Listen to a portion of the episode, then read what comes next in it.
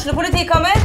Ine Jansen er purk. Er du purk? The motherfucking bitch. Alt jeg vil, er å finne ut hva som skjedde med mannen min. Jon Carew. Er jeg sikta for noe? Iben Akeli. Det er du. Ole So, Lars Berrum og Big Daddy Karsten. Hvem sin side er du på, egentlig? Anette Hoff, Tone Danielsen, Kommer du fra Afrika? Jørnis Josef, Nesten. Kløfta. Trond Espen Seim, Det er synd å si det, men det var feil mann som døde. Purk. Premiere tirsdag på TV2 Play.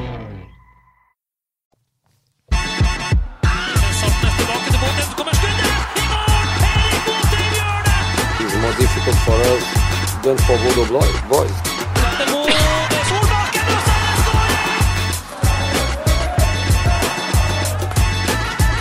Let's enjoy it. Let's go. Velkommen til en ny utgave av Studio Glimt-podden. Bodø-Glimt slo Zürich 2-1 torsdag kveld i historiens første Europa League-kamp i Bodø. Det var stappfullt på Aspmyra. Det var eh, også nesten stappfullt i bortesvingen, som vi vel knapt har sett sånn liv i noen gang på Aspmyra. Eh, Trond Olsen, velkommen i studio. Hva er dine umiddelbare refleksjoner etter den kampen der? Nei, det er et eh, Glimt-lag som til slutt vinner fortjent. De eh, får med seg et sterkt resultat. Jeg syns de åpner begge omgangene eh, veldig bra. Og så, så kommer de litt på hælene eh, mot slutten av begge omgangene og, eh, og gjør det litt mer spennende enn de hadde trengt å gjøre. Hva er det som er forandra fra Tromsø-kampen, sånn som du ser det? Nei, de er, de er litt mer fremme i skoen, og de uh, trykker litt mer til. De eh, treffer litt mer på pasninger og, og treffe på, på presset bedre òg. Eh, så syns jeg kanskje Tromsø var, var litt bedre enn det Zürich viste til tider i går. Fredrik, hva mener du om nivået til, eh, til Zürich-laget du så? Er det et lag som Bodø-Glimt bør legge bak seg i gruppa? Ja, sånn som Zürich har gått i den sveitsiske ligaen. Hvis Bodø-Glimt ønsker å bli nummer to eller tre og få en mulighet til å spille i Conference League, så er det jo Nå har Zürich tapt to kamper også her i Bodø mot Glimt, så det er et lag de skal ha bak seg. Og jeg syns trener Franco Foda sa det bra på pressekonferansen før kamp. Eh, Det blir et oppgjør mellom PSV, Zürich og Bodø-Glimt om å bli nummer to i gruppa bak Arsenal. og Sånn som, Han er jo en ganske oppegående trener, da, som har trent Østerrike i fire år, annet før han overtok Zürich, så han har nok peiling på hva han snakker om. og I så måte så har jo Bodø-Glimt tatt et lite grep om resonnementet til Franco Foda, for de har spilt uavgjort i Eindhoven. Jeg tror det blir verre for PSV å komme til Bodø og slå Glimt enn det var hjemme. Og Bodø-Glimt gjorde jobben, selv om det ble steike spennende det siste kvarteret på Aspmyra, eh, og ikke minst etter at Zürich reduserte til 1-2. I en kamp Bodø-Glimt burde drept på stillinga 2-0, så hadde de store sjanser til å sette tre. Det klarte de ikke, og dermed så ble det kamp helt ut. Men Bodø-Glimt vant 2-1, og da tok de sin 14. seier på rad i, på Aspmyra i Europa etter at de tapte mot Legia i fjor, og det er sterkt. Ja, og det er fantastisk, den rekka de har på, på hjemmebane. Det, eh, det har vært noen så som så-prestasjoner oppi det her, men å ha 14 seire på rad hjemme, det, eller eh, Ja, det er, det er sterkt. Det er jo statistikk som lar seg høre nesten uansett hvilken klubb man snakker om. Det er ikke mange, mange topplag som leverer 14 seire på rad. Eh, Vi har et annet lag i Europa League som møtte mitt lag Manchester United i går, som heter Sheriff Tiraspol. De slo Real Madrid f.eks. i fjor på eh, Santiago Bernabeu. Så det å vinne 14 på rad hjemme uansett motstand, det det er jo skyhøyt nivå på. Ja, og tilbake til det han Trond sier, eh, sa, tror jeg, at uh, han syntes Tromsø var litt bedre enn uh, enn Zürich. Og det jeg uh, hørte i mixzone i går, uh, var Ole Selnes, som ikke er en eh, dårlig fotballspiller og ikke en dum, eh, dum gutt, altså. Som, eh, takk han litt i går, da. jo, vi takka selvfølgelig Ole Selnes, men jeg syns på en måte det er refleksjonene han gjør på, på eh, dopingkontroll med Patrick Berg, at eh, Zürich de kan på en måte eh, forberede seg så godt de bare vil på hva som møter dem på Aspmyra. For, for det er klart, en av, av fordelene til Bodø-Glimt, eh, som de utnytter veldig bra, det er kunstgresset.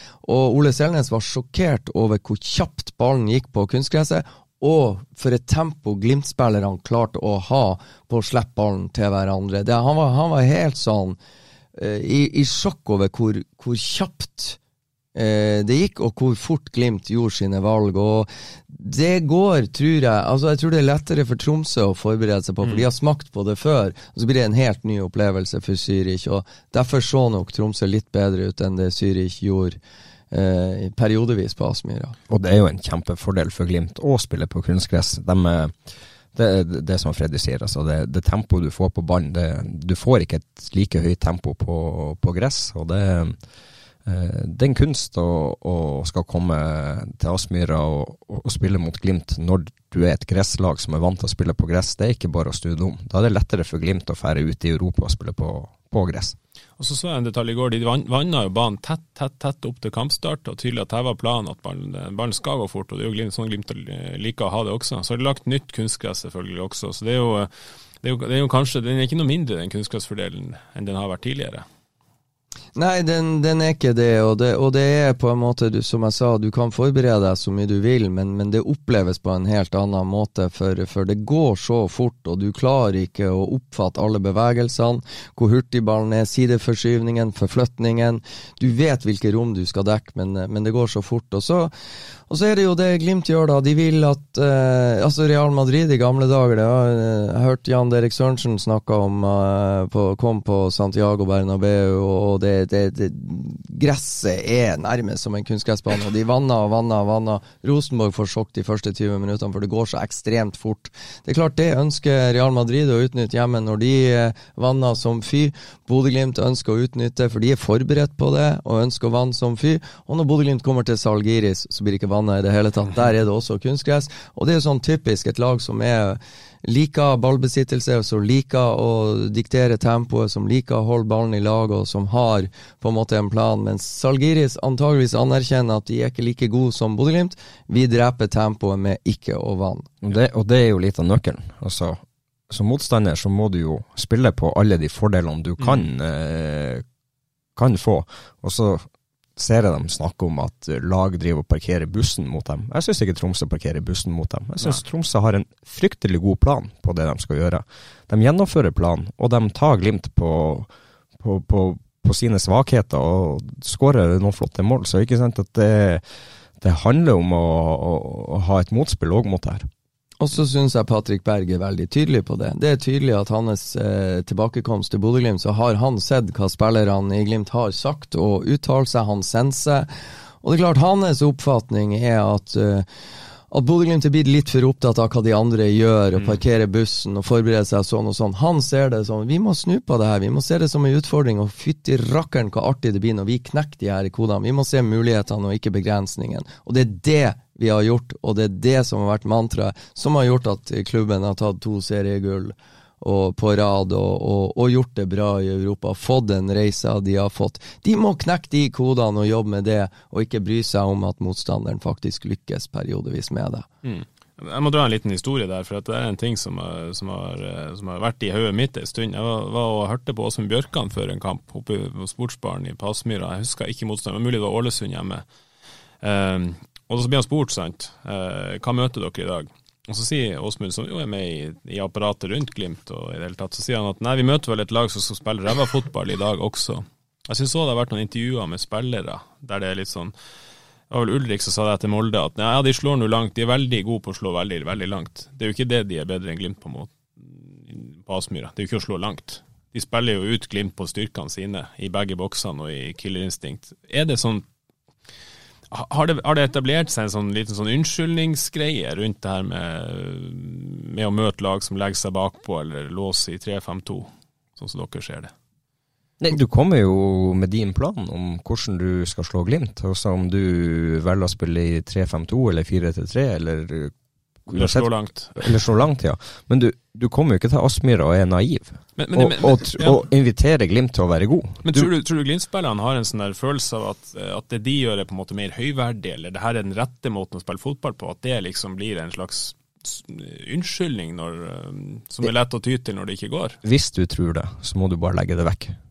Det, du kan ikke gå rundt og tro det at eh, det, det skal være unnskyldning for noen ting.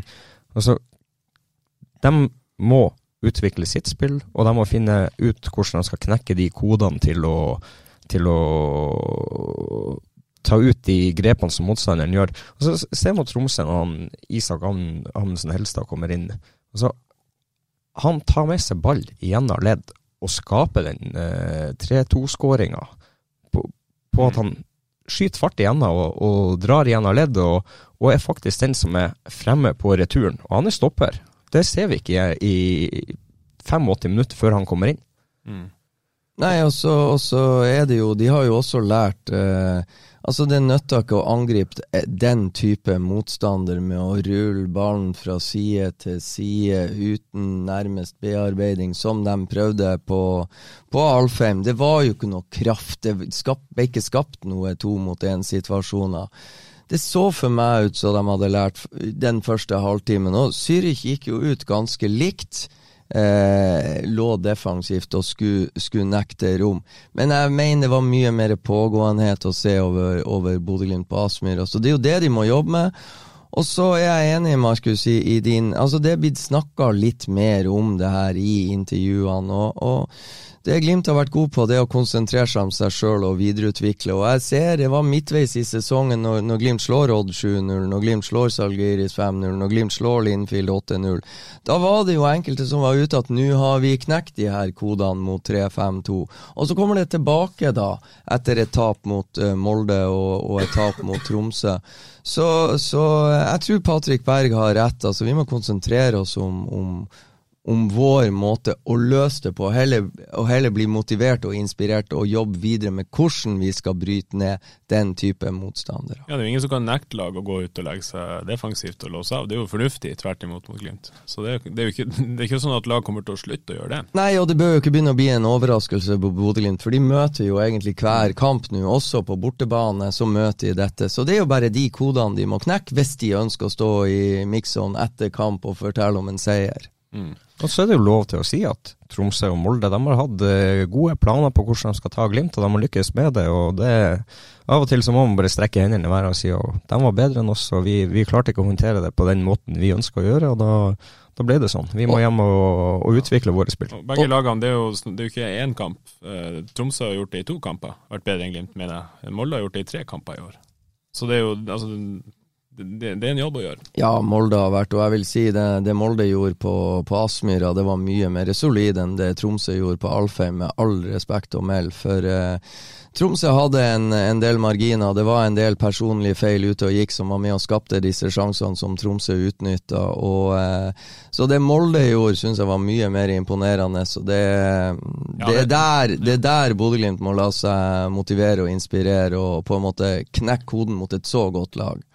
Ja, men det hadde vært greit å slå et lag som er plassert på åttendeplass i tabellen nå, hvis man skal vinne serien. Jo, men det jeg sa, jeg er mye mer imponert over det Molde gjorde på Aspmyra, enn det Tromsø gjorde på Alfheim. Og dertil mindre imponert over Glimt, kanskje. Oh yes. Nå er det, det var en del i laguttaket som jeg syntes var interessant. Ole Solbakken, litt overraskende kanskje. Han har jo trent med, med litt kontakt, har vi sett i det siste. Han gikk rett inn i elveren, uh, i din posisjon, Trond. Uh, hvordan vurderer du det han leverte?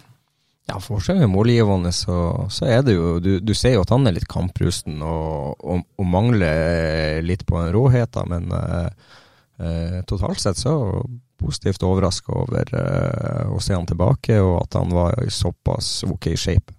Hvor viktig er det å ha Ola Solbakken og Amahl Pellegrino eh, i, i den angrepsrekka, Freddy?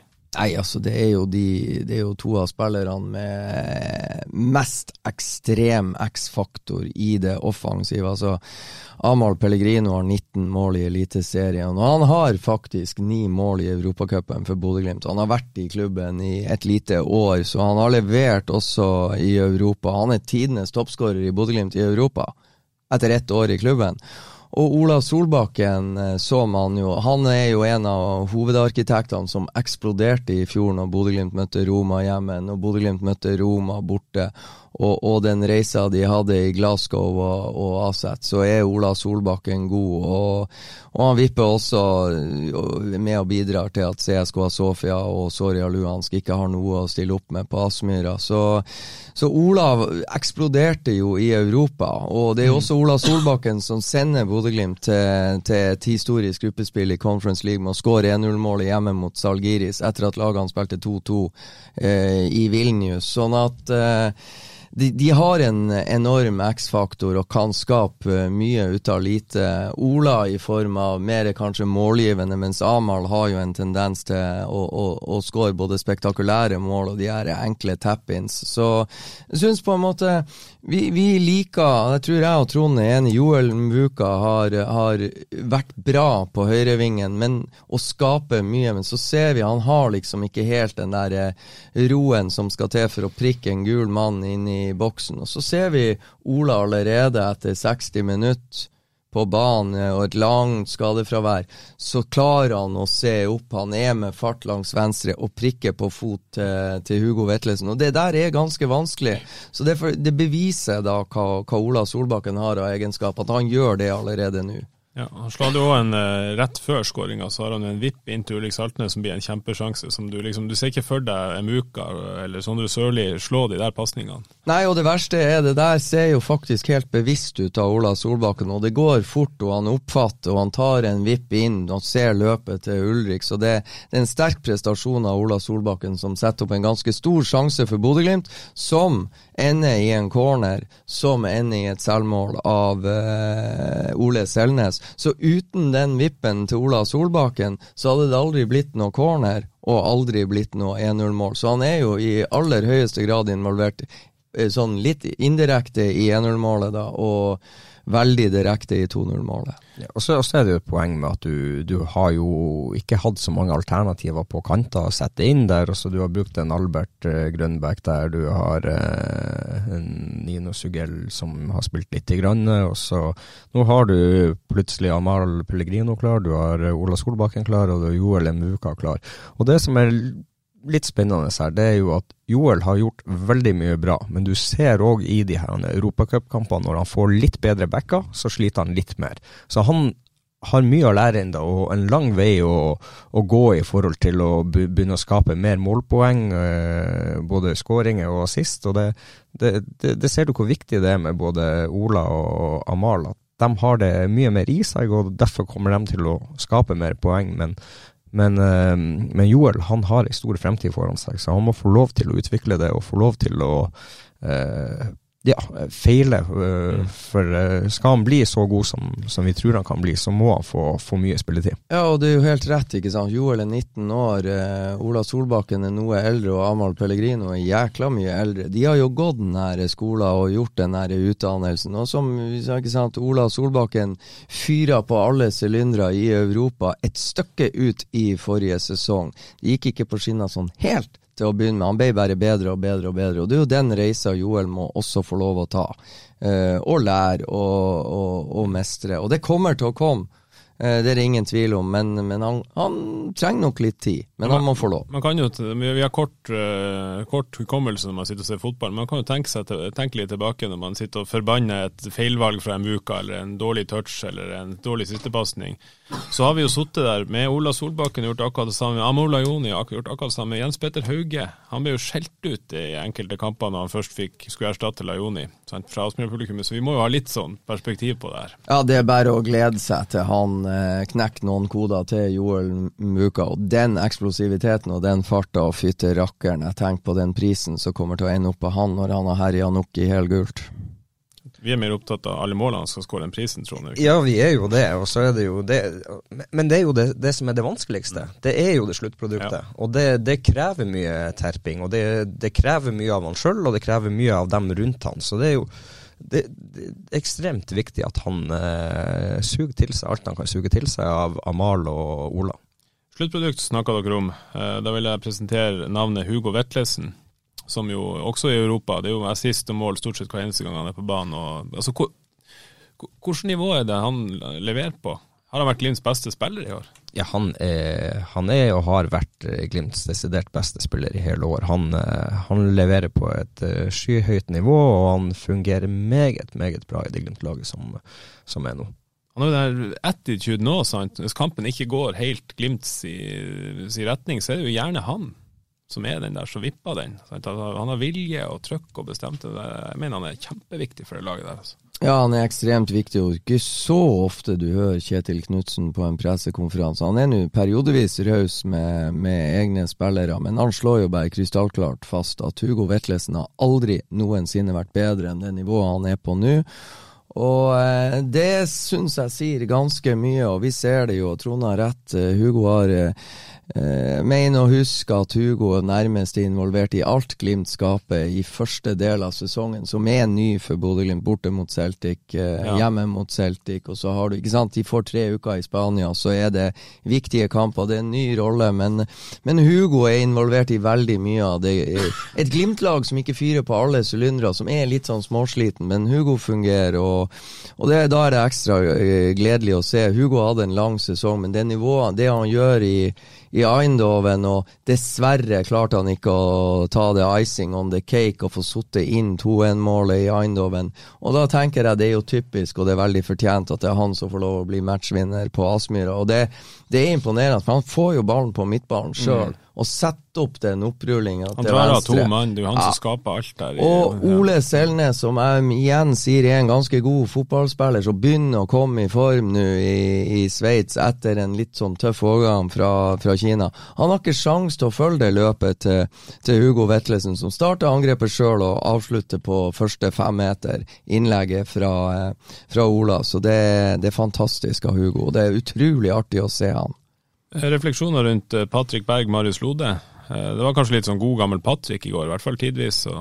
Patrick syns jeg gjorde en god kamp i går. Eh, du ser at han er, er på rett vei.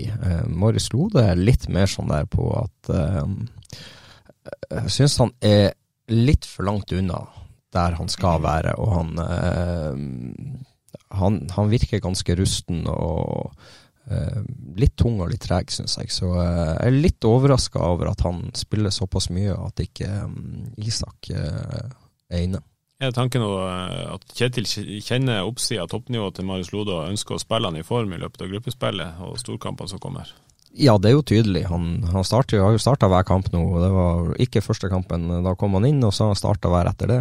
Jeg syns jo ikke det har vært godt nok, det han har levert. og kan bedre. Ja, han kan bedre, og, og, og, men han er jo en spiller som trenger mye trygghet og trygge omgivelser rundt seg, så uh, det, det, kan jo være det, løsner, men, men jeg syns det er litt rart uh, uansett at det skal gå på bekostning av Isak i forhold til det han har levert. Ja, Freddy, vi har vel stilt det samme spørsmålet før, men har Isak Amundsen grunn til å være litt skuffa over at han ikke får mer spilletid? Ja, Isak er kanskje den som har mest grunn til å være skuffa over det som har skjedd etter eh, Ikke skuffa, men forbanna. ja, skuff, ja, litt, forbanna. Og, og eh, så, så, For han har, han har, spilt på et høyt nivå eh, over tid, og, og, har grepet muligheten. Har på en måte eh, gitt trenerne det svaret trenerne ønsker når han får sjansen. Han har grepet muligheten, og Trond er innom det. Isak vant jo faktisk. Han kom inn etter 82 minutter, så Isak og Elias Hagen vant 2-0 eh, på Alfheim med de på banen, men jeg syns kanskje Isak sin eh, impact var, var viktigere, da. Men, men eh, jeg syns Patrick den første halvtimen på Aspmyra var en fryd å se.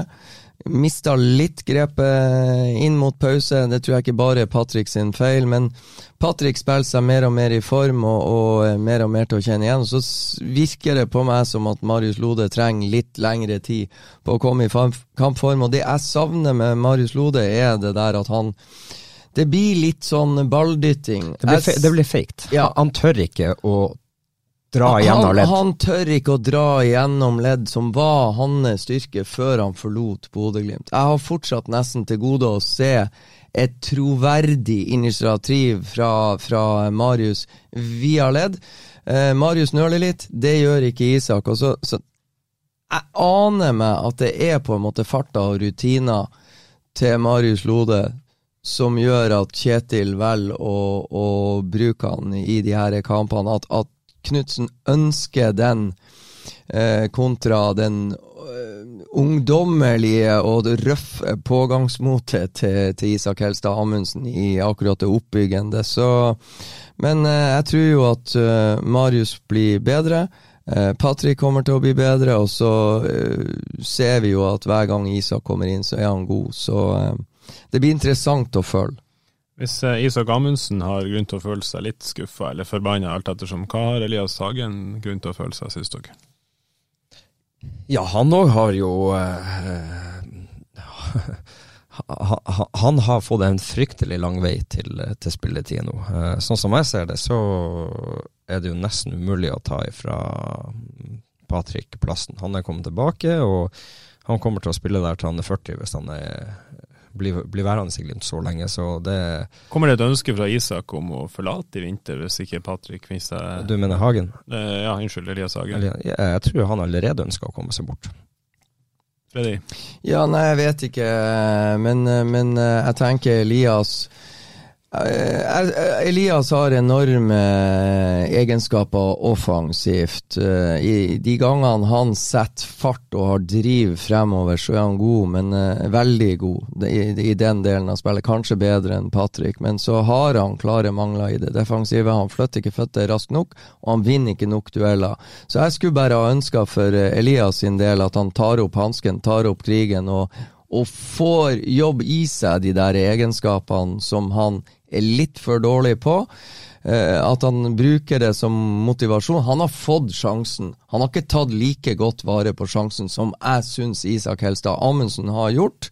Eh, det kreves enda litt mer. Jeg syns han er blitt faktisk mer foroverretta de ti minuttene han fikk borte mot Jerv, enn han var i en del kamper i forkant. Det blir litt sånn her eh, opptatt av å, å dytte ballen til en medspiller eh, når du har tre-fire meters avstand til nærmeste motstander. Da skulle jeg ønske at Elias hadde tort å føre opp mot motstander, og så slippe, istedenfor å rulle fint til sides uten at eh, presset har kommet på deg.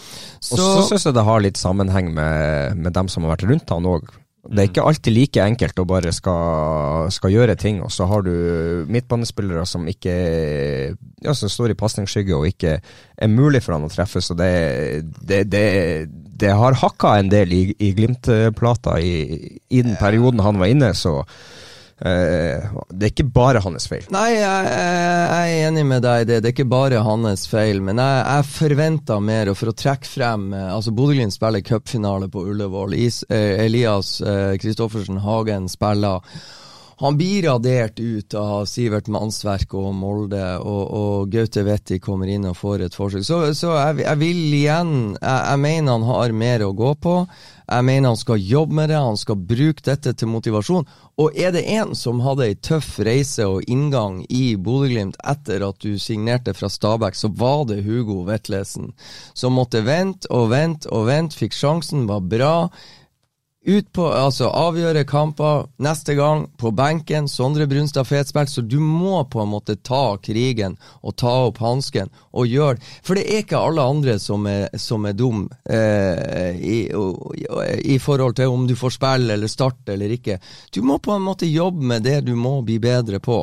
Og så men, men, men, hadde, men hadde um, Hugo Vettelsen spilt like mye i år, i de dårlige periodene òg, hvis Sondre Brustad Fet hadde vært frisk? Det er jo det svaret vi ikke vet, men det vi kan med fasit si Hugo Vetlesen hadde ei tøff reise inn i elveren til Bodø-Glimt. Han sto i krigen, han utvikla løpskapasitet, han ble bedre i sitt defensive spill, og nå ser vi hva han gjør. Han leverer gang på gang på gang. Det er tøft i fotball. Du må levere når du får sjansen. Du må tåle konkurranse. Og i hvert fall Hvis ikke du tåler konkurransen i Bodø-Glimt, da skal du bare glemme å reise ut i den store verden. For der blir du spist opp. Ja, der er du Det har vi mange eksempler på, på spillere som har forlatt Bodø-Glimt, og også kommet tilbake. Til og med Elias Hagen sin konkurrent Patrick Berg yes. har jo fått kjent på yes. det. Og, og så eh, men, men der er jo poenget mitt, da. Elias Hagen vil jo mest sannsynlig aldri få muligheten så lenge Patrick ikke blir skada. Blir Patrick skada, så er jo Ulrik foran han akkurat nå på den sentrale. Så det, jeg tror det blir fryktelig tøft for, uh, for Elias å komme inn og få Ja. spilletid i det hele og det store. Ja, han, Det har, har du- han, han har forspilt én sjanse, ikke sant? og det er ikke sikkert at neste blir For, like ja, stor. men for det som skjer, hvis, hvis Patrick blir skada, så blir Ulrik flytta sentralt, og så kommer Albert inn på indreløperen. Det kan jo skje. Det, Det- skjedde, mot, skjedde mot Jerv. Det, Nei, og det her er jo ikke sant uh, Bodø-Glimt uh, har på en måte staka ut en ny kurs. De har en steike fyldig tropp. Det er en del gode fotballspillere som ikke er i 22-mannstroppen til møte med, med Zürich.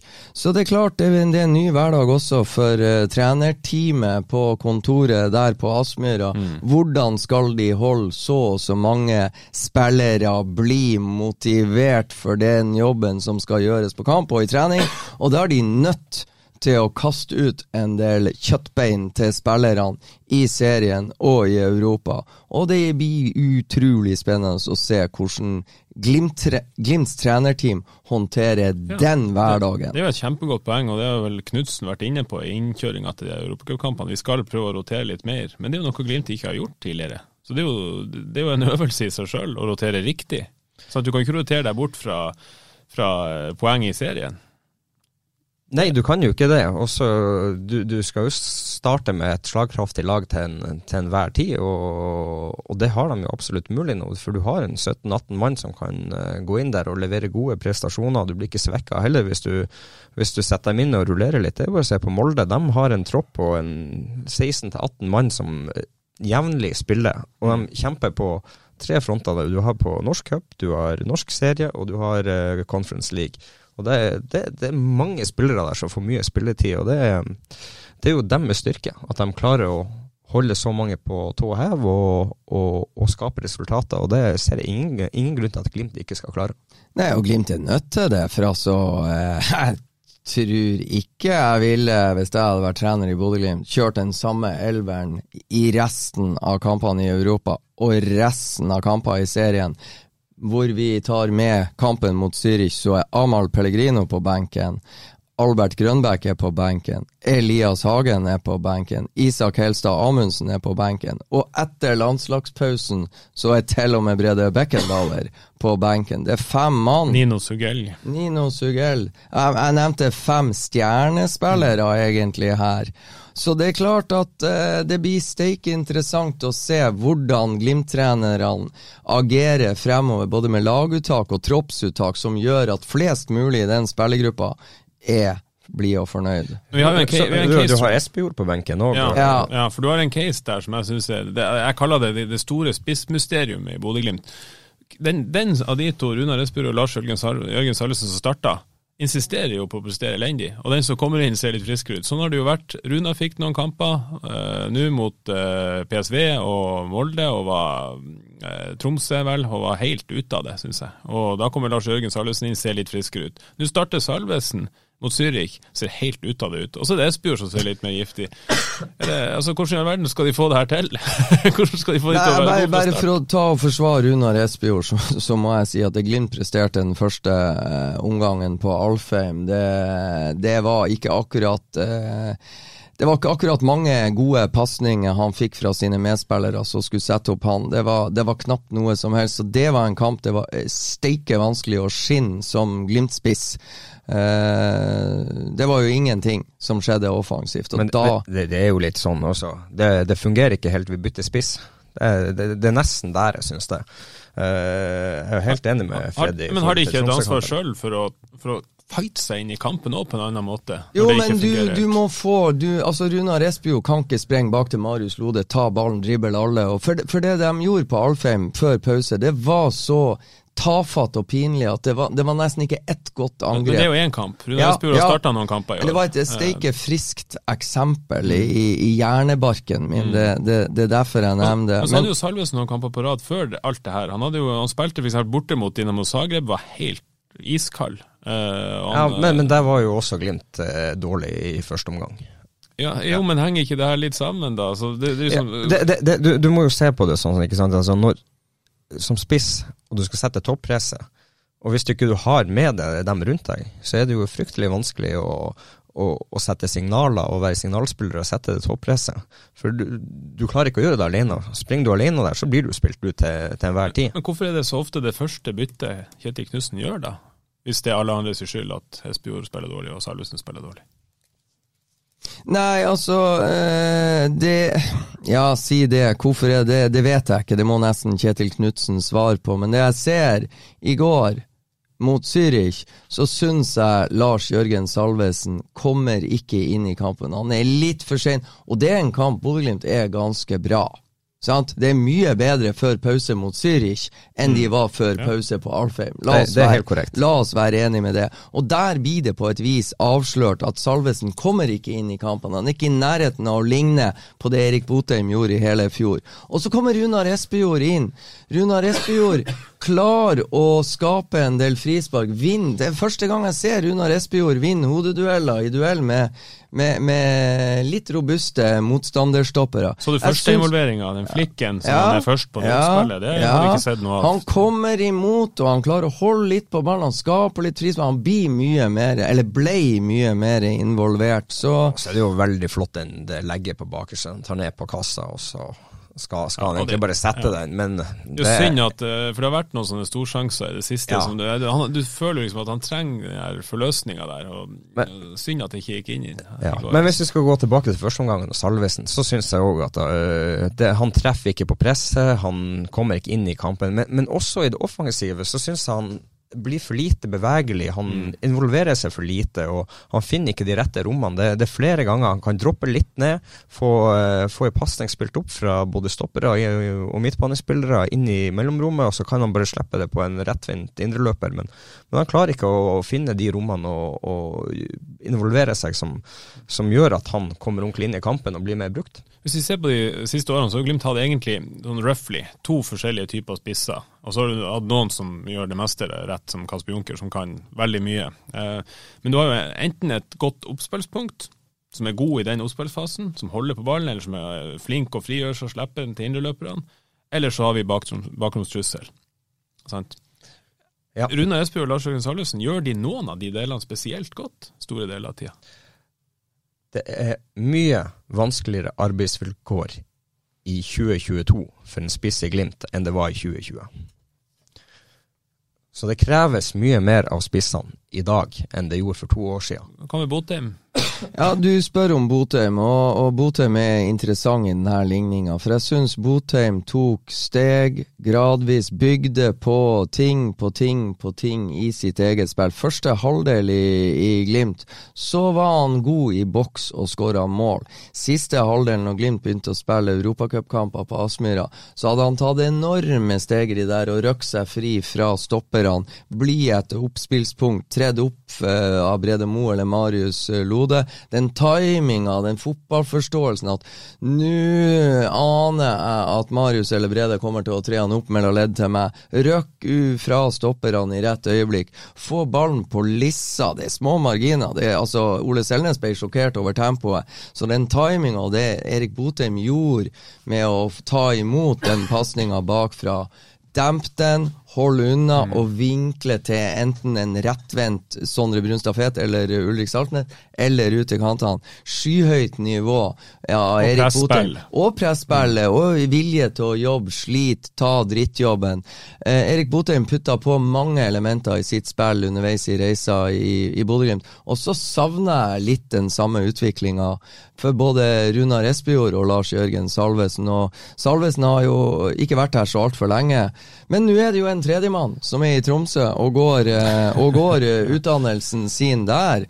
Og ikke glemme Lasse Nordås, han er i Tromsø på lån. Vi så han var, var den beste Glimt-spissen på Alfheim. La oss være enig i det, han skåra. Men han gjør mye annet. Han viser også vilje til å gjøre drittjobb. Han viser også vilje til å kakke Marius Lode og Marius Høybråten på anklene. Spisse albuer, stygge Bakromstrussel. Ja, og så er han jo hurtigere!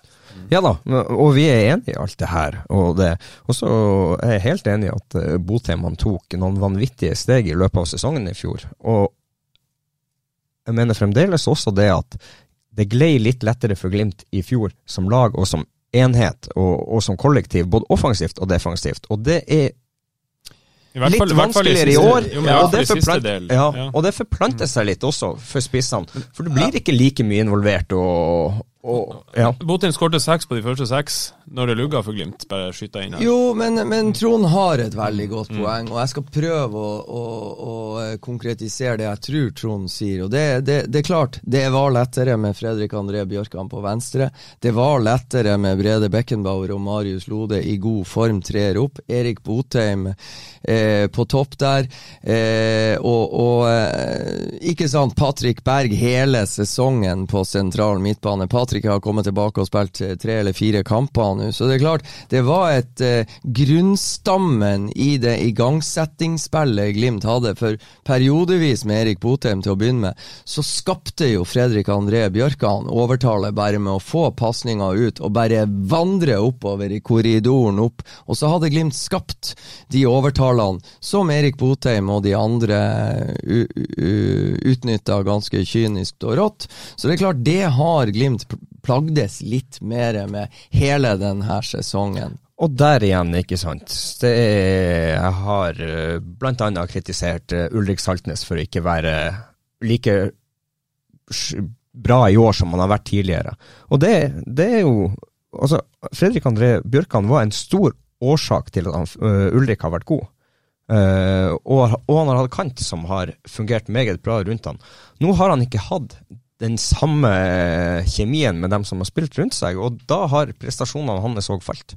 Ikke sant, det er noe med det der Så det, det er mekanism, mekanismer ja. og sammenheng og kjemi med dem du uh, skal finne relasjoner med. Og Så. den der detaljen, sorry Markus, og den detaljen Fredrik André Bjørkan som kan bruke høyre og venstre, og Brisveen Bangomo som må finne Ulrik med høyre fot. Vinklene blir mindre, de blir vanskeligere. Og så er det òg da den, den, eh, den samhandlinga med, med, med venstre ving som uh, som er ny for Ulrik. Siden du tar det opp, Trond, så skal vi selvfølgelig inn på Ulrik Saltnes og, og Trond Olsen etterpå. Men bare for å avslutte Runar eh, Espejord, Lars Jørgen Salvesen. Mener dere da at hvis du setter inn Runar Espejord eller Lars Jørgen Salvesen i Glimt 2020, så er det 27 mål og 15 assist og herjing på begge de? Mener vi virkelig det? Nei, det er jo ikke det vi sier. Nei, Men hvor langt unna det nivået er disse? Hvor langt unna Junker, eller hvor langt unna, unna Botheim er Runar Espejord og Lars Jørgen Salvesen? Det blir et uh, veldig hypotetisk mi, mi, spørsmål jeg, jeg, å svare på. Jeg, mener jo at han, så, det vi har sett til nå, poenget mitt er at så mener jeg at Glimt mangler noen prosenter der, altså. I forhold til det spillermateriellet de. Jeg tror Glimt som lag hadde fungert uh, et par hakk bedre med Erik Botheim som spiss uh, nå, i, det, i det, det, her sekundet. Det gjør jeg òg. Men, men, så mener jeg at, at de kommer til å bli bedre. Både Runar Espejord og Lars Jørgen Salvesen kommer til å bli bedre, de kommer til å tilpasse seg, laget kommer til å bli bedre. Jeg skulle ønske det hadde gått litt fortere for begge to enn det jeg ser eh, foreløpig. Og så må vel, må, må vel kanskje Knutsen ta et valg på et tidspunkt og definere at dette er min Det går også an at spiller tar det valget og mm. bare går ut og viser, mm. også Kjetil Knutsen, at jeg tar disse stegene med de andre ja, for, ja, for Det er vel det Knutsen etterspør når han bytter sånn på det. Det er vel at han ser kanskje ikke den av de to som sier 'jeg skal starte'. Ja, som jeg sier, Joel Muka fikk sjansen på høyre ving etter treningsleiren i Danmark. Jeg syns han har eh, forvalta muligheten veldig bra frem til nå. Og så har Isak Helstad Amundsen fikk sjansen når han kom inn mot Sarpsborg 08 hjemme. Og jeg syns Isak Helstad Amundsen har tatt godt vare på sjansen han fikk i Midtforsvaret etter det. Og det samme er det jo opp til Runar Espejord eller Lars Jørgen Salvesen å gjøre når de får lov å starte en kamp som spiss for Bodø-Glimt. Studio Glimpodden i samarbeid med byggmaker Gunvald Johansen.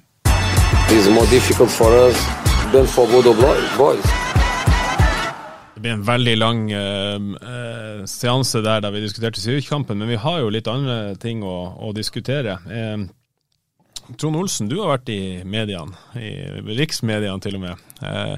Etter kampen mot Zürich så blir jo Ulrik Saltnes utfordra på den kritikken han har fått bl.a. fra deg i, i dette podkaststudioet. Og du har jo vært eh, kritisk til hans prestasjoner, og, og uh, har jo ikke han på ditt drømmelag for Glimt, f.eks. Uh, Saltnes svarer i Mikson at han, uh, han tar den, den kritikken med, med, ganske knusende ro, fordi at du misliker han, og det er en kjensgjerning. sant? Hvordan vil du beskrive ditt forhold til Ulrik Saltnes? Nei, hva skal jeg si. Vi har vært uh, tidligere lagkamerater, og uh, vi har spilt noen kamper i, i hop. Uh, og så um, har nå jeg og han det forholdet vi har hatt, men det går jo ikke utover det, det faglige, og det, det jeg mener bør være til Glimt sitt beste. Så det at jeg syns han har hatt litt svakere prestasjoner i år enn han tidligere, det, det får være opp til meg å mene. og det, det, det, det, er spillere som har kommet inn der, og som, som jeg mener har potensial til å kunne løfte Glimt og eh, gjøre noe med de tingene vi har prata tidligere om i dag, i forhold til at laget skal fungere bedre. og det, det er jo det jeg ønsker å se, at Glimt skal ta steg som lag, og da tror jeg at du må få inn litt nytt blod. Mm. Hvor, um, hvor, mye er din formening om Ulriks Hartnes prestasjoner påvirka av, uh, av ditt kjennskap til din, din historikk med Ulrik? Nei, det er ingenting, det. det altså det, da må jo jeg også eh, bli tatt for at jeg syns eh, Marius Lode ser rusten ut og ikke bør, eh, bør starte per dags dato fordi at eh, Isak eh, virker i bedre form og ja, eh, ser mer spennende ut enn en Marius for, per nå. Freddy, sånn som du vurderer denne diskusjonen rundt Saltnes, og det er jo en diskusjon, det er ikke bare Trond som diskuterer det. Eh, er det eh, er dette en forsmådd eks-Glimt-spiller som eh, skal stikke støvelen i bakleggen på Ulrik Saltnes, eller er det en, en legitim diskusjon som, om, om prestasjoner, sånn som du leste i dag? Ja, For å resonnere litt, så hadde jo vi en diskusjon i AN. Vi har ønska en eh, En ting er meg og Stian Høgland og deg og vår eh, fotballfaglige kompetanse. Når Trond Olsen eh, bor i Bodø by, og vi ønsker en fotballekspert som vi ønsker å bruke i podkaster, i TV-sending og i, eh, på an.no og i papiraviser en, en, mann som har spilt eh, 15 sesonger i Eliteserien og, og herja fordi at vi ønsker å styrke vårt apparat rundt vår dekning av et Bodø-Glimt-lag som har tatt sjumilssteg fra 2016 og, og, og, frem til nå og er blitt en, en, storhet og en gigant i norsk fotball, så syns jeg Trond sin rolle er å mene og det løfter AN si, si, dekning av Glimt, og, og, og, i det hele tatt. Så, det syns jeg faktisk er, er, helt legitimt og riktig at Trond Olsen får et talerør i, i AN. Vi styrer ikke hva Trond sier og mener, eh, men det er nå hans rolle å mene mye om Glimt. Og så så tenker jeg at eh, Trond sier jo her nå annet at en av forklaringene Han har sin mening om Ulrik. En av forklaringene til at han har vært svakere i år, kommer jo nå i denne podkasten med at det er ikke den samme rytmen på venstresida fordi at Brisveen Bangomo er ny og ikke er Fredrik André Bjørkan. Og det er litt inn og ut på venstrekant osv. osv. Så, videre, og så, så det er, det er fotball, og, og eh, eksperter mener mye om mangt. så det det, det er sjelden de er så populære i spillergarderobene, alle de ekspertene. Det vet kanskje du noe om, Trond? Ja, altså det, men, men, herregud. Altså, hvis det, hvis det ikke hadde vært for såkalte eksperter eh, som har eh, hatt meninger om tingene, hva hadde norsk fotball vært da? Det hadde jo vært dritkjedelig.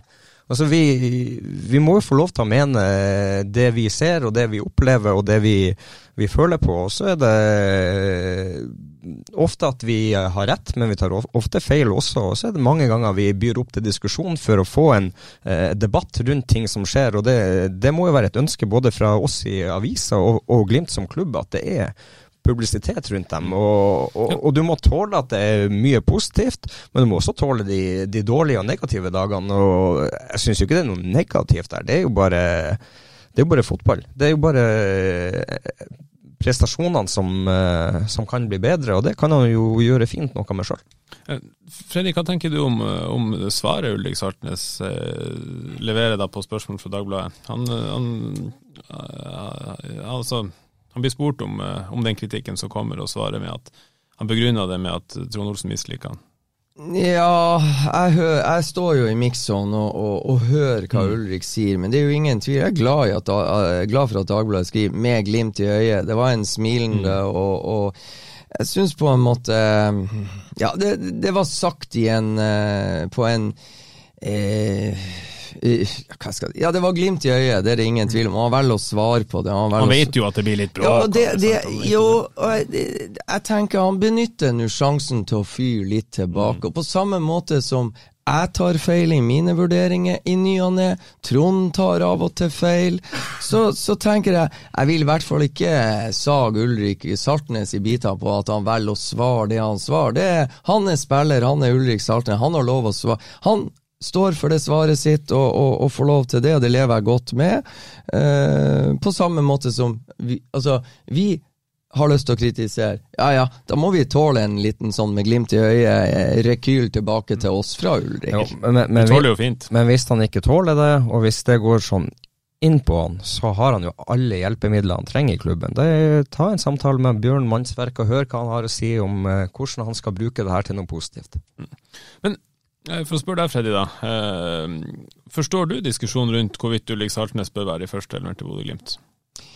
Ja, jeg gjør jo det, for jeg tror ikke det er bare Trond Olsen som, eh, som setter det her på agendaen. Det er på en måte Glimt øh, legger jo opp til debatt når de klinker til å kjøpe en indreløper fra Danmark for en av de mest kostbare overgangene til Eliteserien ever. Altså Albert Grønbæk sin overgang sammenlignes jo med med overgangen fra Jon Carew tok fra Vålerenga til Rosenborg. Så det er klart, Albert Grønbæk har fått noen sjanser. Publikum ser det de ser. De ser en fotrapp, ung, teknisk, spennende dansk spiller. Så det er jo det der der, at Glimt henter han, og at han sitter på benken og Ulrik Saltnes starter.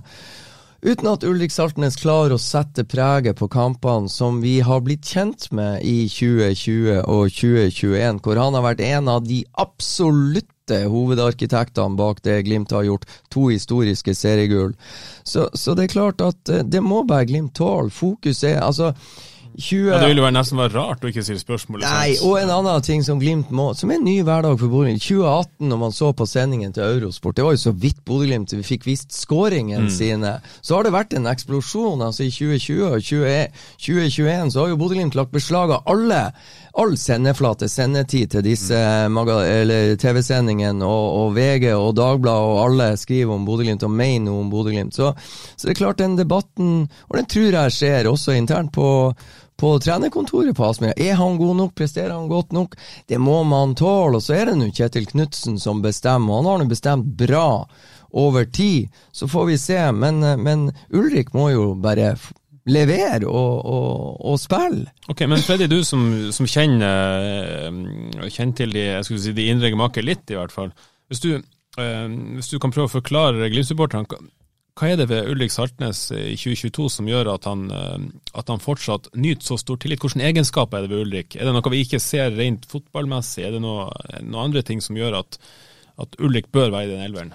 Nei, altså, det er ingen tvil. Uh, Ulrik, uh, Ulrik, Saltnes og Kjetil Knutsen har en, uh, en, ekstremt god kjemi og har et annerledes samarbeid enn mange trenere og utespillere har i et mannskap. Det har bygd seg opp over tid. Jeg tror det har vært med å gjøre Ulrik Saltnes til en bedre fotballspiller.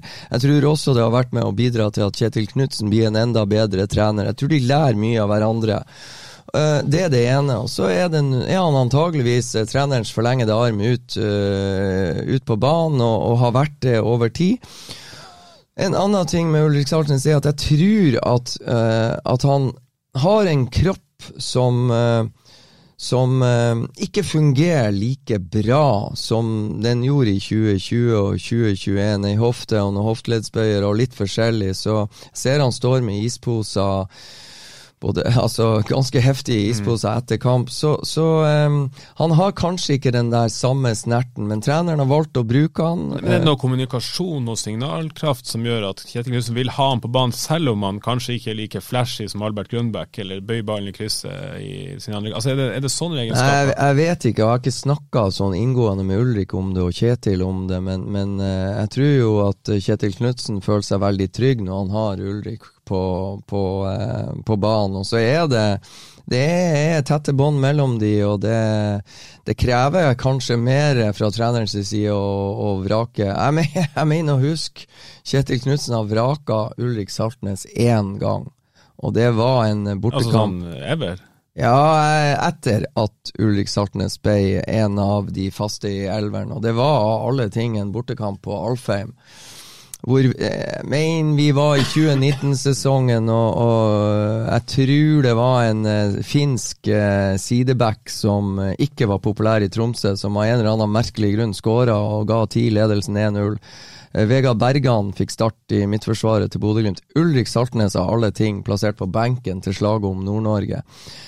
Det er først sist, siste gang eh, Ulrik på et vis ble vraka, tror jeg. Da kom han inn i pausen, ut med Vegard Bergan. Ulrik Saltnes inn som midtstopper, og, og Jens Petter Hauge kom inn i indreløperrolle og ble en slags døråpner, og Glimt snudde og vant 2-1. Så eh, nei, det sitter nok lenger inne å vrake Ulrik enn andre, tror jeg. Men Trond, for å spørre deg, da. Um Ulrik Saltnes er jo involvert i 1-0-skåringa i går. Han spiller seg jo opp i, i, andre, i andre omgang. Fortjener ikke Ulrik litt mer slekk basert på de prestasjonene han, man vet han er i stand til i store, viktige kamper? Han har avgjort masse kamper, han har avgjort på Alfheim, han har herja inn målpoeng i noen år. Fortjener ikke han litt mer slekk enn uh, en spiller som har vært i klubben i tre uker? Ja, men skal han som har vært her i tre uker ta stegene og uh, kan heve Glimt som lag, så bør jo han òg få muligheten til å spille inn. Uh, altså komme inn og få, få, de mulighetene til å prege det. Så ja, Ulrik har absolutt absolutt fortjent å, å, få den statusen han har i Glimt, og det han har levert. Det står det all respekt ut av. Men det betyr jo ikke at han skal spille for enhver pris. Og Eh, jeg mener jo da at det er spillere der som kan gi Glimt noen ting mer enn det de har nå, og kanskje noe de mangler. Men øyeblikket er rett nå til at kanskje ja, andre skal få Ja, mm. og, og, og, og, det er jo ikke sagt at du skal vrake han for alltid. For da kommer han i en posisjon der han må slå Altså der han blir en underdog igjen og må, må slå oppover og, vise seg frem fra, fra ei bedre side. Og kanskje Ulrik trenger det. Kanskje han trenger eh, å få eh, få kjenne på det at han må, må uh, bevise at han uh, fortjener den plassen. akkurat nå så syns jeg han er litt for langt unna der han har vært de to foregående sesongene. Og de har henta Albert til, til, rundt 30 millioner, som, som viser såpass mye spennende at jeg syns han fortjener å få, få den muligheten for å løfte Glimt. Studio Glimpodden i samarbeid med byggmaker Gunvald Johansen. Slipper mot Solbakken, og så er det skåring! Uh, vi skal innom en sak som vi for så vidt har forbigått i stillhet. Med, vi må vel være så ærlige Freddy Thoresen, og si at vi rett og slett glemte det av fra manuset sist vi var i podstudio. Uh, ja, det lange manuset vårt som vi alltid har. ja. Men uh, Uh, og Markus, vi ble så ivrige at vi glemte det. Fort gjort. Vi ja. har jo en hovedtrener i Bodø-Glimt som heter Kjetil Knutsen, som ifølge velrenommerte engelske kilder, eh, aviser som, vi, som, har god historikk og track record på treff på de her tingene, eh, skal være førstevalget til Brighton and Hove Albion i Premier League når de skal ansette en ny trener. De mista jo Graham Potter, som jo har skandinavisk historikk i Østersund, til Chelsea nettopp. Trenerjobben er ledig. Eh, Kjetil Knutsen har fått spørsmål om det her. Han sa vel noe sånn som at han uh, bruker null kalorier på det, han bruker null tid på det og tar ikke telefonen. Um, tror du helt på han, Freddy?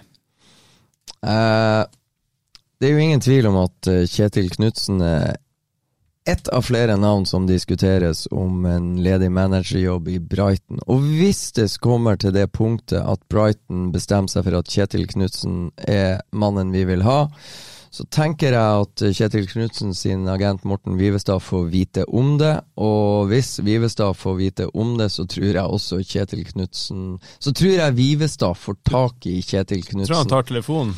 Jeg tror at budskapet når frem, selv om det er tre timer til kampstart mellom Bodø-Glimt og Zürich. Så tror jeg det kommer en Du, Kjetil, vi må prate etter kampen. Og det tror jeg Kjetil eh, er klar over. Jeg tror det når. Hvis, hvis det kommer til det at, at Brighton har han som eh, førstevalg, så tror jeg at eh, budskapet når frem. Og så må Kjetil Knutsen eh, ta standpunkt til det. Trond Olsen, hvilket standpunkt tror du Kjetil Knutsen vil ta til en sånn henvendelse? Oh, det er fryktelig vanskelig å, å svare på, men uh, får han muligheten til Brighton? å ta over Brighton, så, så, så er det en uh, stor anerkjennelse for den jobben han har gjort i Glimt. Og uh, det er en jobb han bør prøve seg på, hvis han får muligheten Men han til å bør si ja? Ja, absolutt. Altså, du, du, du, kan nesten ikke få en større jobb enn å overta Brighton. Og, og, og Potter har jo hatt ganske lik reise som, som, Kjetil har hatt, så det Jeg tror de kan være en god match. Ja, det, Hvis vi leker litt med tanken, da. Det er jo lov her i det her studioet. Er det så mange andre Premier League-klubber som tilsynelatende passer bedre til profilen Kjetil Knutsen? Han har vært linka til Norwich sant, og bunnstrid og Burnley. Jeg mener det hadde vært en katastrofe hvis han gikk dit. Han har fått sparken etter et halvår. Men finnes det noe bedre match for Kjetil Knutsen enn en klubb som Brighton? Nei, jeg, jeg, tror ikke det. Det er i hvert fall fryktelig vanskelig å finne en, eh, en bedre match. Og så er det jo det at det som kan tale imot, det er tidspunktet nå. Hadde det vært eh, i, eh, i, juni i år, eller juni til neste år, så tror jeg det har vært større sjanse for at det kunne ha skjedd. Eh, men at han skal komme inn der nå og få printa inn sitt på, på kort tid, og det, det, ja, det kan bli vanskelig. Men så har du også et, et, et fint vindu med at VM og det kommer eh, i, i, november, så du, du, kan komme inn der nå og få brukt den tida eh, under VM til å få printa inn dine prinsipper og ditt, sette ditt preg på hvordan du ønsker at ting skal være. Freddy, hvor sannsynlig tror du det er at Kjetil Knutsen hopper av Glimt-skuta i det scenarioet rett før man skal møte Arsenal hjemme og borte i Europa League? Ja, akkurat sånn uh, her og nå høres det litt usannsynlig ut uh, i mitt hode. Men, uh, men vi må smake litt på de store tingene. Du var inne på Brighton, etter det jeg forstår, er en litt sånn spesiell klubb som gjør ting på sitt vis og har og gjør det litt annerledes enn ganske mange engelske klubber, uten at jeg vet alle detaljene på det, men det er en uhyre veldrevet klubb. Og så har de da eh, bevist en gang at de tar sjansen på en liten sånn dark horse som har ei litt annen reise enn veldig mange andre, altså satser på Graham Potter. Swansea var den første klubben som gjorde det, som, som satsa på eh, Graham Potter, som har vel en seks-syv år i Østersund i Sverige og hadde ei hysterisk reise med den klubben. Det er fra fjerdedivisjon, er ikke det, i Sverige? Og, altså helt opp til Europa League. Og, og møte Arsenal eh, hjemme i vinterkulda i Østersund, og der skal det jo drives skiskyting, og i hvert fall ikke Europa League-fotball. Men det gjorde de under ledelse av, av Graham Potter, og det er i grunnen lett å avskrive en trener som har den, bare fordi eh, altså han er engelskmann, ja, men altså, det går ikke an å hente en fra som har vært i Østersund og surra. Men Swansea gjorde det, og de angra ikke. Eh, Brighton ga han en sjanse. De angra heller ikke. Det er mange år siden Brighton har ligget der de ligger nå. Så at Brighton er en klubb som kan sirkle seg ut at Kjetil Knutsen er mannen vi skal gå etter, ja, det er sannsynlig. Men jeg, jeg har liksom aldri fått uh, Kjetil uh, Aldri hørt, aldri fått han med på noen dialog om at han har et enormt begjær å komme seg ut, altså. Eh, han har vært veldig opptatt av det han holder på med her, og så eh, jeg er veldig usikker. Jeg skulle gjerne ha likt å visst hva det egentlig Kjetil Knutsen ønsker å drømme om, men, men jeg syns det er utrolig fascinerende at nå i England så kan det ikke sparkes én eller eh, byttes én managerjobb uten at Kjetil Knutsen fra lille Bodø-Glimt er nevnt. Du nevnte Norwich, du nevnte Burnley, og før det var det vel Aberdeen i Skottland. Så nesten uansett hvilke managere som får fyken rundt omkring, så er Kjetil Knutsen et av navnene på blokka. Det forteller jo bare for et merke Bodø-Glimt har eh, sittet på det europeiske fotballkartet de siste årene. Eh, jeg kan jo for øvrig legge til at det er jo eh, nummer to på den lista ja, Bookmakerne sin favoritt er jo eh, en kar Kjetil Knutsen har vært oppe mot og slått i år. Det er jo Celtic-manager. Så, så, det er jo eh, det er et artig selskap. Postekoglu. Ja, riktig, riktig. Og der har du jo også en liten sånn Eh, sånn Dark Horse-signering fra Celtic. Altså hvis Postekoglu går til Brighton, og det blir han som får, så blir jo Pina Kjetil Knutsen ansatt i Celtic, da. Det er bare å vente og se. Navnet blir i hvert fall uh, Så det blir jo en ny diskusjon. Men, men Celtic gjorde en henta en liten sånn dark horse, og Postekoglu har hatt suksess i Celtic helt til han møtte Kjetil Knutsen. Og de har jo henta selvfølgelig norsk trener før, i, i Ronny Dale, så de har jo litt um, det var, Ja, det var vel ikke like stor suksess Nei, som, men, å, som å hente Postekoglu. Nei. Um, Men hvis man får jo litt følelsen når, når Glimt-supportere snakker om Kjetil Knutsen, så er det liksom Ja ja, Brighton.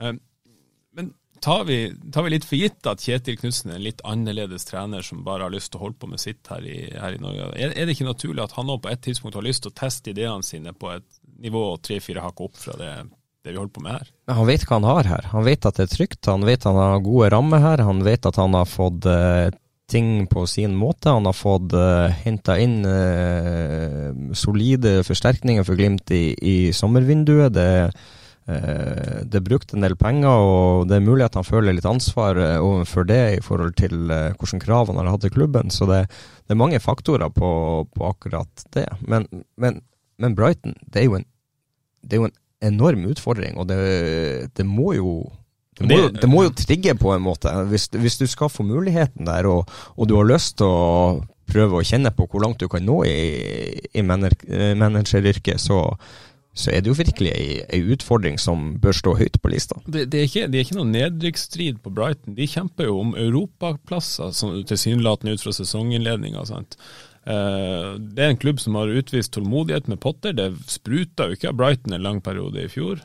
Um, og så vil jeg jo bare et par detaljer om Brighton som er litt morsomt. Det er jo en veldig, det er en veldig fin badeby, for det første. Jeg er ikke glad Kjetil Knutsen er å bade. Han, han er glad i å bade. Ja. Han og Håvard Sakariassen bader foran hver kamp, uansett hvor det er. Også i Trondheim, foran møtet med Rosenborg. og det er ti minus, og på kampdag så var de Jeg vet ikke hvor de var og bada, men bada gjorde de. Så han er glad i å bade. Et par detaljer til om Brighton, da, som kanskje taler litt imot, i hvert fall ene. Um, Graham Potter var jo kjent i Premier League, og er kjent i Premier League fordi han har ekstrem taktisk fleksibilitet. Altså De går ut helt forskjellig.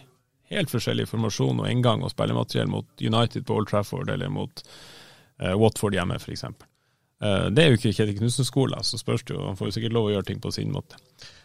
Ja, Men tror du ikke sportssjefen i, uh, i Brighton han kommer til å forhøre seg over alt og hvor han uh, med, med, med, med alle mulige kanaler, så prøver han garantert å forhøre seg rundt om hvordan eh, Kjetil Knutsen er som uh, manager. Og så er det jo ikke vanskelig for uh, sportssjefen der å gå inn og se på hva, hvordan han har leda kampene, og hvor mye bytter han gjør, og hvor mye taktiske endringer mm. der, han, han, gjør underveis. Og, altså, hvis de skal gå for han, så vet de nøyaktig hva de får, og hva de har å forholde seg til. Og så må de jo ta et valg på om det er en eh, vei og en profil de vil at klubben skal, skal ta. Og så er jo Brighton eid vel av den samme eieren som har um, majoritetseierskap i Union Saint-Gilot i Belgia, der Victor Boniface før tida herja. Han skårer jo et vakkert mål mot Malmö og Åge Hareide i går. Um, jeg har jo tenkt, når Boniface gikk dit, og jeg ble obs på den linken der. De har nettopp henta en spiller, Brighton, fra samme klubb. Så tenkte jeg at ok, da er planen til agenturet til Boniface her at han skal i Premier League etter hvert. Det hadde jo vært litt sånn skjebnens ironi hvis Kjetil Knutsen havna der og Og Boniface skal, ja, ja. skal ja, Nei, men altså, det som det å ta sted, Og det her tror jeg Kjetil eh, er klar over, og det her tror jeg Kjetil overveier. Det er noe annet å være trener i Premier League enn det er å være trener i lille Norge. Det er en helt annen Altså, hverdagen der ute er hysterisk, og jeg bare sier eh, Philip Sinkernagel blir henta til Olympiakos. Olympiakos ryker. Han skårer to mål på seks kamper i Champions League-kvalik. De ryker i kvaliken på oppløpssida. Etter to måneder i Olympiakos så blir treneren pælma ut, og det kommer inn en ny trener som ikke liker Philip Sinkernagel, som blir pælma ut og havner i Standard Liège.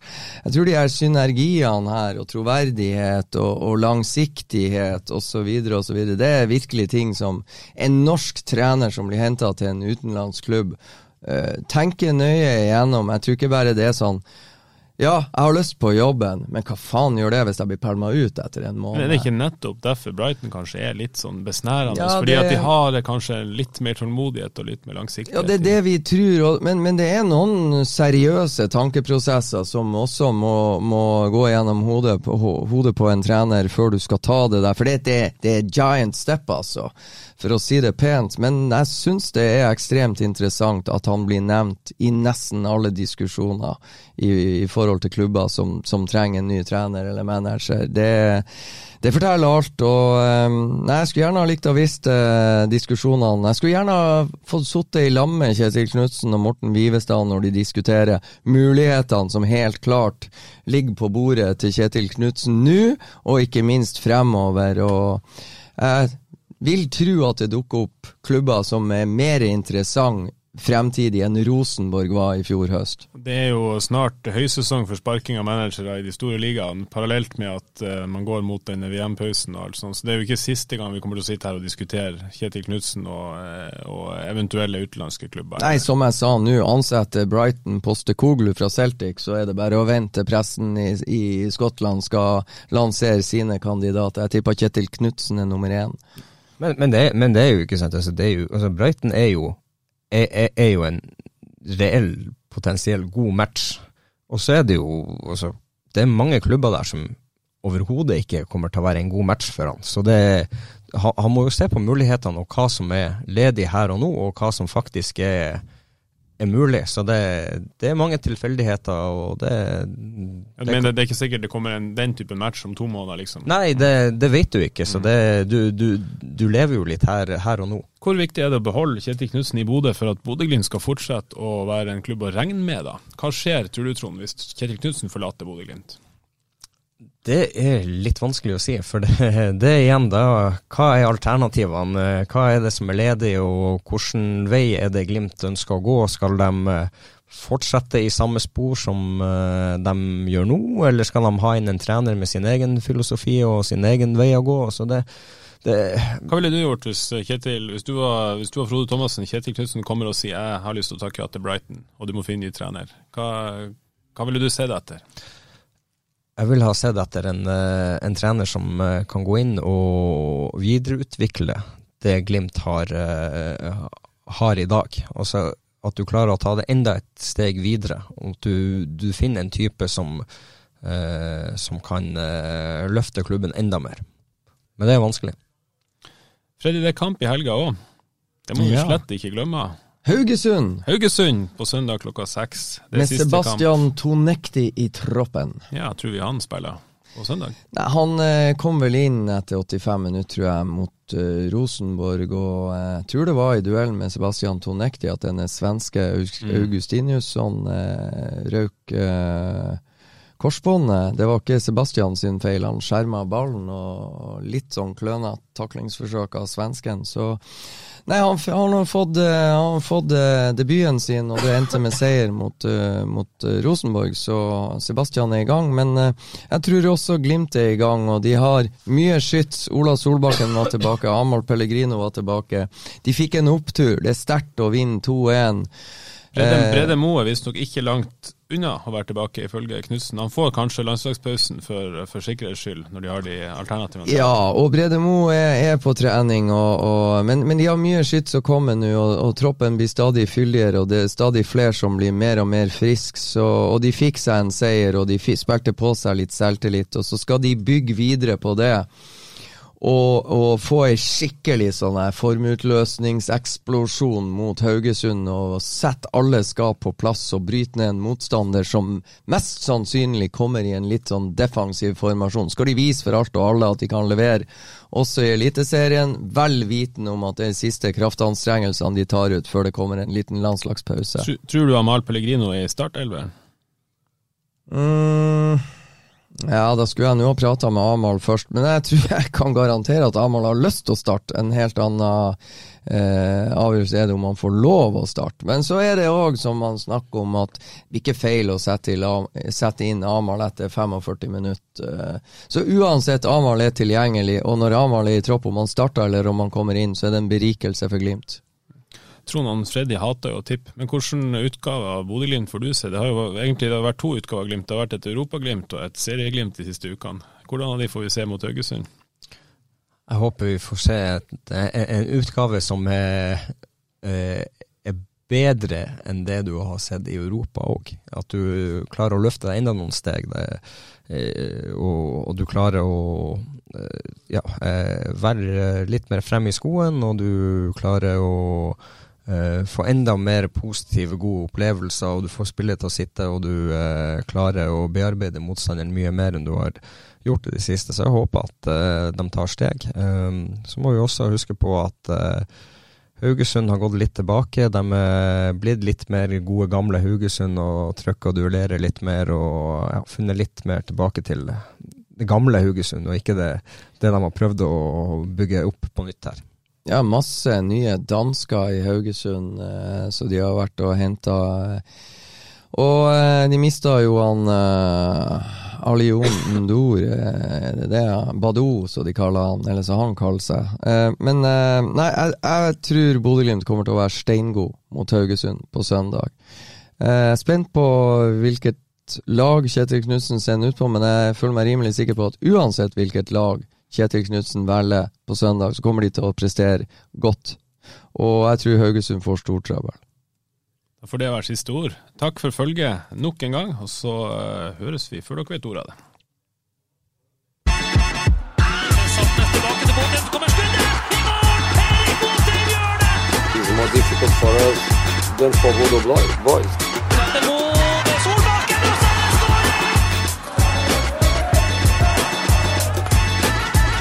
Let's enjoy it. Let's go.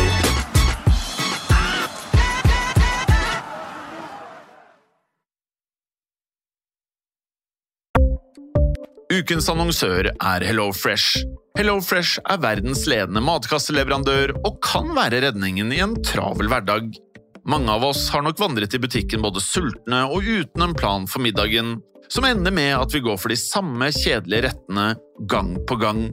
Middag burde være dagens høydepunkt. Som HelloFresh kan du nå velge mellom 25 ulike retter hver eneste uke, eller få HelloFresh til å sette sammen menyen for deg. Dette gir deg muligheten til å prøve nye og spennende retter alene eller sammen med familien. Du velger antall porsjoner og får alt levert på døren på et tidspunkt som passer for deg. Oppskriftene er enkle, og maten er lett å lage både for store og for små. Ved å få alt levert hjem får du også mer tid til å dele matgleden med familie og venner. Kanskje det frister med asiatiske tacos eller greskinspirert kylling? Da kan jeg anbefale deg om å gå inn på hellofresh.no. Her kan du bruke koden FOTBALL og få opptil 1779 kroner i rabatt på de første fem matkastene hvis du ikke har prøvd Hello Fresh tidligere. Du kan også bruke rabatten hvis du har vært kunde og stoppet abonnementet ditt for tolv måneder siden eller lengre. Gå inn på hellofresh.no og bruk koden FOTBALL. Har du et enkeltpersonforetak eller en liten bedrift? Da er du sikkert lei av å høre meg snakke om hvor enkelt det er med kvitteringer og bilag i fiken, så vi eh, gir oss her, vi. Fordi vi liker enkelt. Fiken superenkelt regnskap.